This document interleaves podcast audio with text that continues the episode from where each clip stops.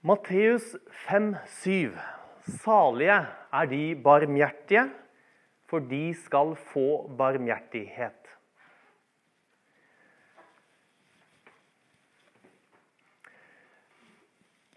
Her er det to ganger som ordet 'barmhjertig' ble brukt. Salige er de barmhjertige, for de skal få barmhjertighet. Dette her er to ord som er veldig like hverandre. Eh, og på gresk så ligner de på hverandre, men det er en liten vesensforskjell på dem. Og vesensforskjellen er det at det første ordet 'barmhjertig', 'salig er de barmhjertige', det er et ord som er en sånn eh, Det er noe man er framfor noe man gjør. Skjønner? Salig er de barmhjertige, de som er barmhjertige. Det er det ene ordet. Og det andre ordet for de skal få barmhjertighet. Og da er det snakk om en barmhjertighet, sånn en gjøre-barmhjertighet. Man skal få barmhjertighet, eller man gjør barmhjertighet. Så det er to litt forskjellige greske ord. Og det første ordet de barmhjertige, altså barmhjertighet som noe man er, det spesifikke ordet fins kun to ganger i hele Nytestamentet. Og det er noe vi skal se på etter hvert. Å være barmhjertig, som det første greske ordet handler om. Ikke bare gjøre barmhjertighetsgjerninger, det er altså noe unikt. Det er noe som er en del av Guds vesen. Vi vet I første Johannes brev så står det 'Gud er kjærlighet'. Altså, det, som er Gud. Gud er kjærlighet. På samme måte er det med barmhjertighet. Gud er barmhjertighet. Hva er bergprekenen, og særlig saligprisningen? Jo, det er en beskrivelse av Jesu disipler. Og hva slags mål er det disipler har? En disippel er jo en lærling, en etterfølger. Hva er målet til en lærling? Jo, det er å bli som sin mester. Og Det står det i 1. Johannes 2,6. Den som sier 'Jeg er i ham', må leve slik han levde.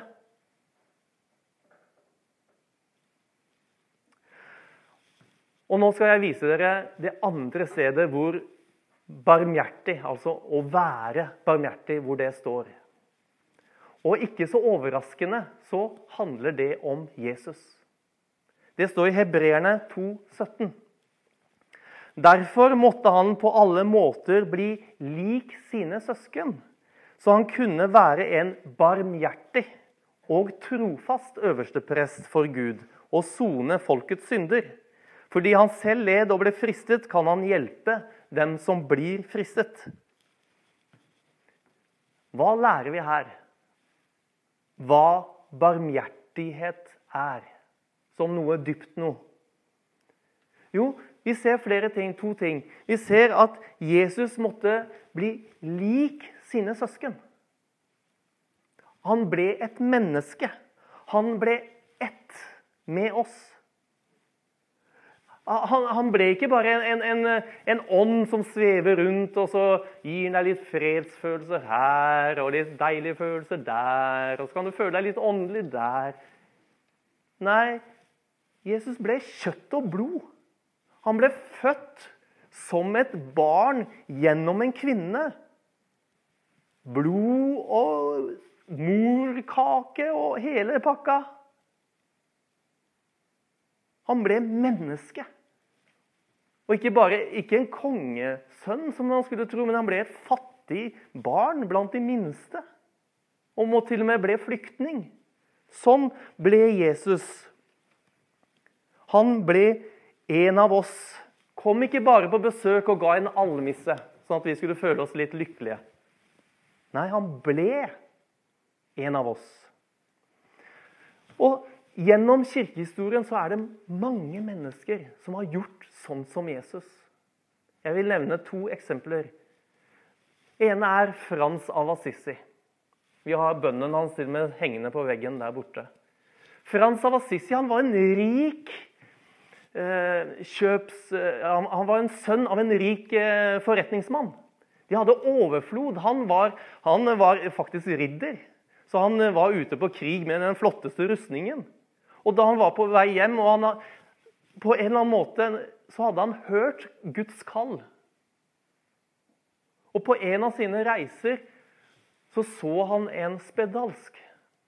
Og På den tiden så trodde man spedalskhet var smittsomt. Og man rørte ikke ved de spedalske. Frans han gikk av sin høye hest og omfavnet den spedalske. Så tok han av seg klærne, så ga han klærne til den spedalske. Og Siden så solgte han alt han eide. Han nektet å ta imot farsarven. For han ville være blant de fattigste. Nei, ikke bare være blant de fattigste. Han ville være en av de fattigste. Og da oppsto det som kalles tiggermunkene. Hvorfor det? Jo, fordi han skulle være en av dem. Gå inn i lidelsen det er å være fattig. Ikke komme ovenifra og, og se hvor snill og god jeg er. Nei, bli en av dem. Og på den måten forkynne evangeliet, forkynne Guds godhet, forkynne Guds barmhjertighet. Den andre personen jeg vil nevne, er en som døde for ikke altfor mange år siden. Til og med har fått Nobels fredspris. Moder Teresa. Ja, hun, hun var faktisk nonne. Og så forteller hun det at, at det var så komfortabelt og fint inni dette nonneklosteret. Det var veldig ok. Det er litt sånn rart for oss. Ja, men, men, hun hadde det fint der. Gikk til tidebøndene, og de hadde mat, og de hadde alt det de trenger. Men så så hun hvordan de fattigste hadde det i, på Calcuttas gater. Og hun ble råket av Guds barmhjertighet. Så hun fikk lov etter hvert å tre ut av den trygge og gode ordenen og bli en av de fattige på Calcuttas gater. Hun samlet ikke ting til seg selv. Hun gjorde alt hun kunne for å ta vare på de døende, de spedalske, de fattige, barna som ble kastet i søpla, osv. Og, og dette er blitt en stor bevegelse og stor orden i dag.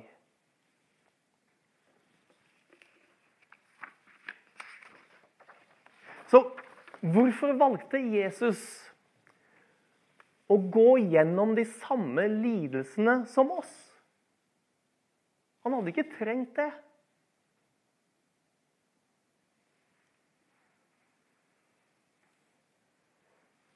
Jo, først og viktigst det er det at han skulle, skulle sone folkets synder, som det står om i Hebreerne 2. For å sone folkets synder så kunne han ikke være der borte og gjøre opp vår synd. Nei, han måtte gå inn og bli en av oss.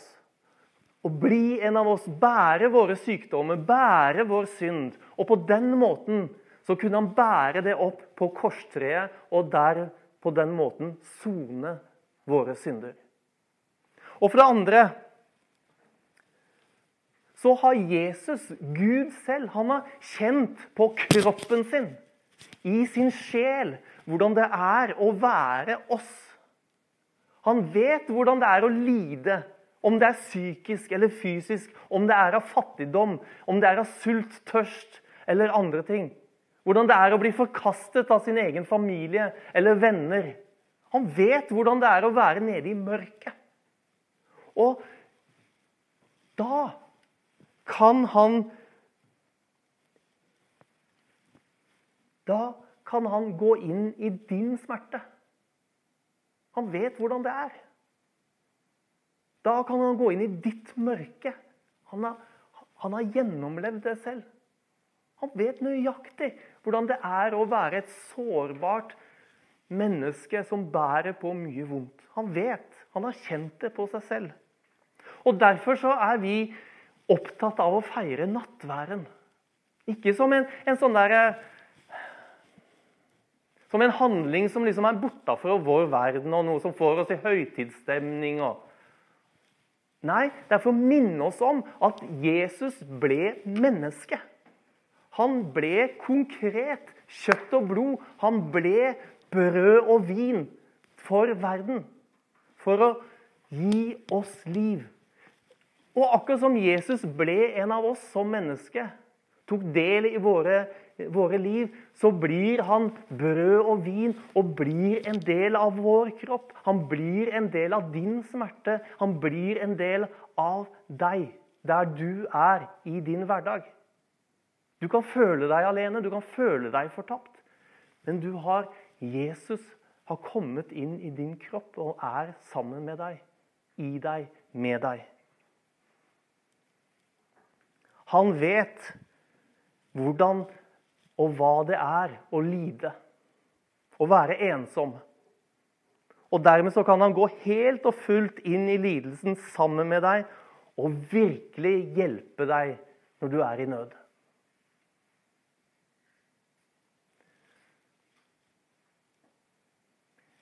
Vi skal høre en sang. Audhild Moskul skal synge den.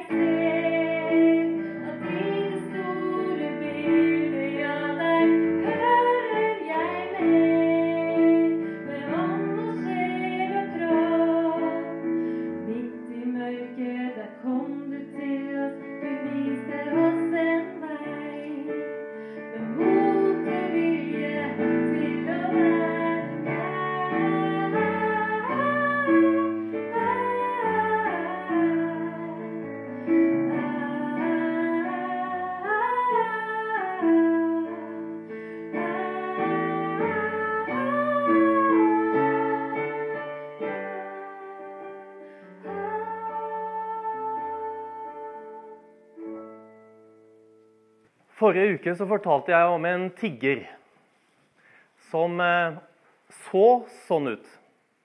Tigget på gata i kanskje mange måneder, flere år. Har ikke fått vasket seg, ikke fått barbert seg, ikke fått stelt seg. Skitne klær. Og så blir vedkommende invitert inn kongen, til kongens slott. Blir behandlet godt, får seg en vask, får eh, god behandling for mat og får på seg til slutt kongens findress. Og når denne vedkommende tigger går ut med kongens findress, så ser han ikke ut som en tigger lenger. Han oppfører seg ikke som en tigger lenger. Han går ut med verdighet.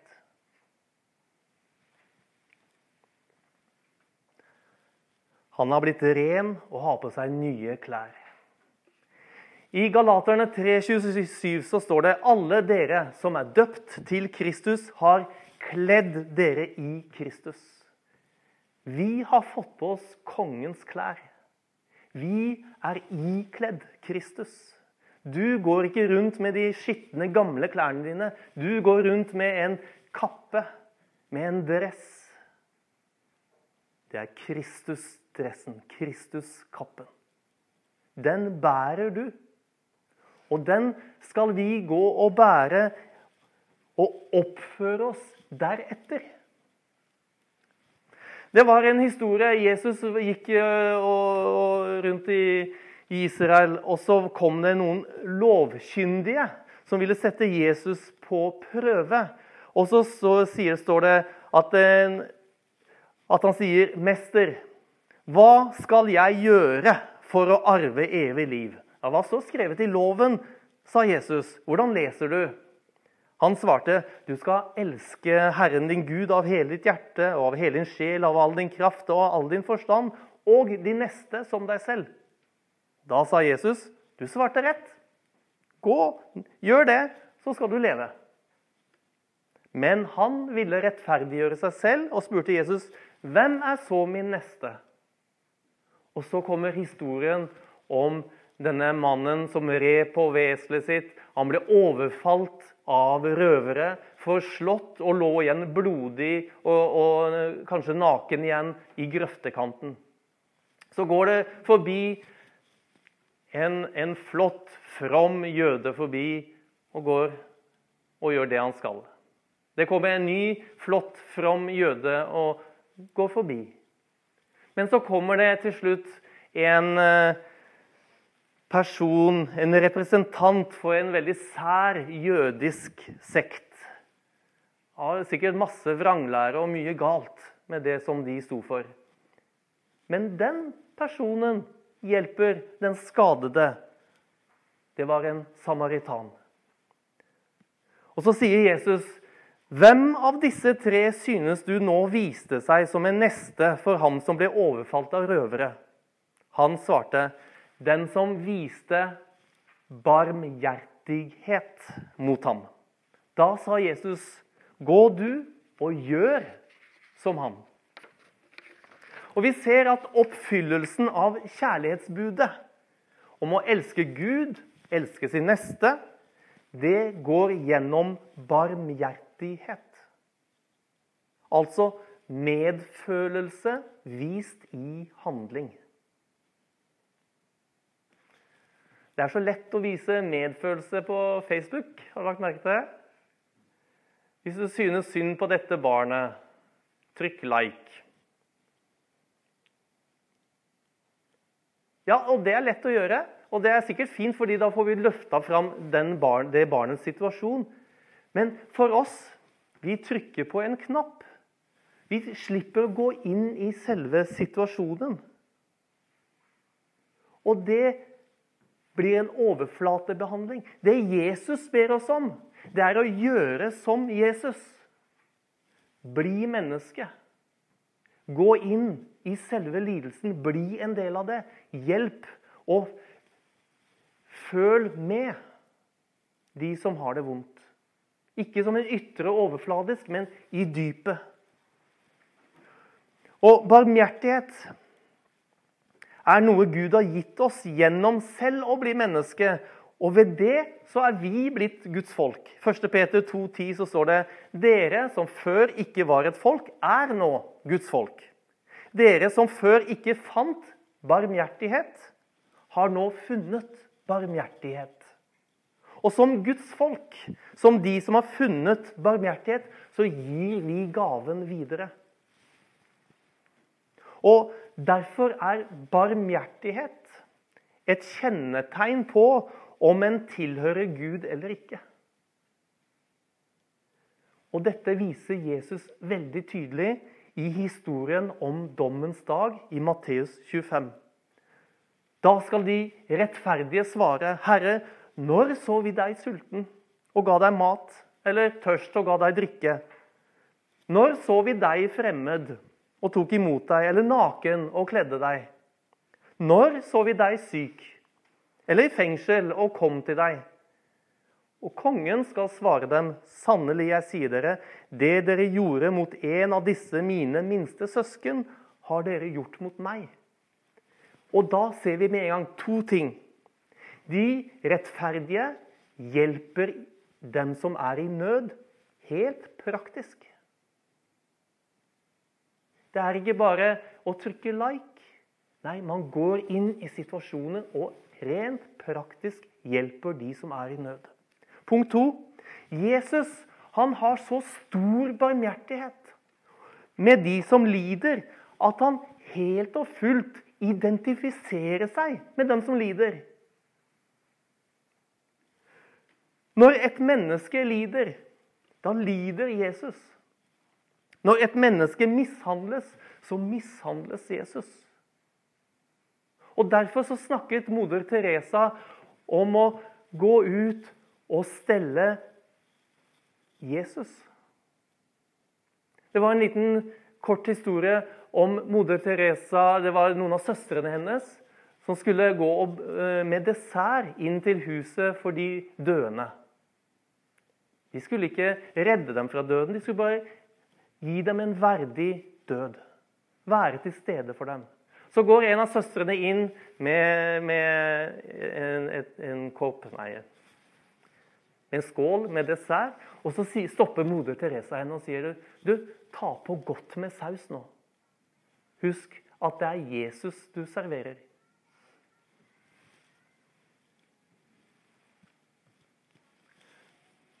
Det er en annen sang som går her.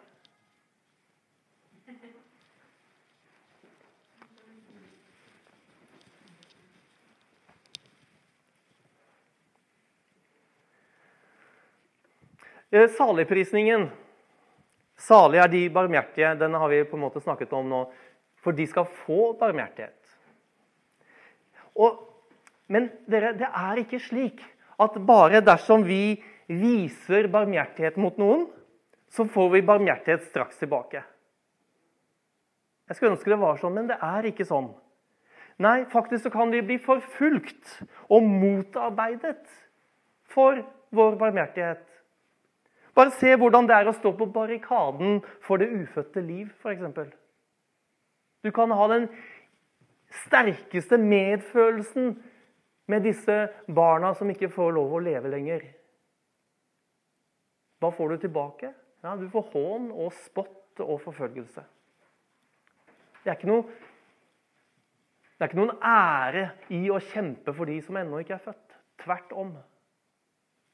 Eller de som hjelper papirløse flyktninger. Nei, det er ikke noen ære i det. Du får motgang. Min bønn er at Gud i sin barmhjertighet fyller oss med barmhjertighet, så vi kan gi Guds barmhjertighet videre. Og Da må vi gjøre som de to blinde, som det står om i Matteus 20. Og da de fikk høre at Jesus gikk forbi, ropte de, 'Ha barmhjertighet med oss, Herre, du Davids sønn.'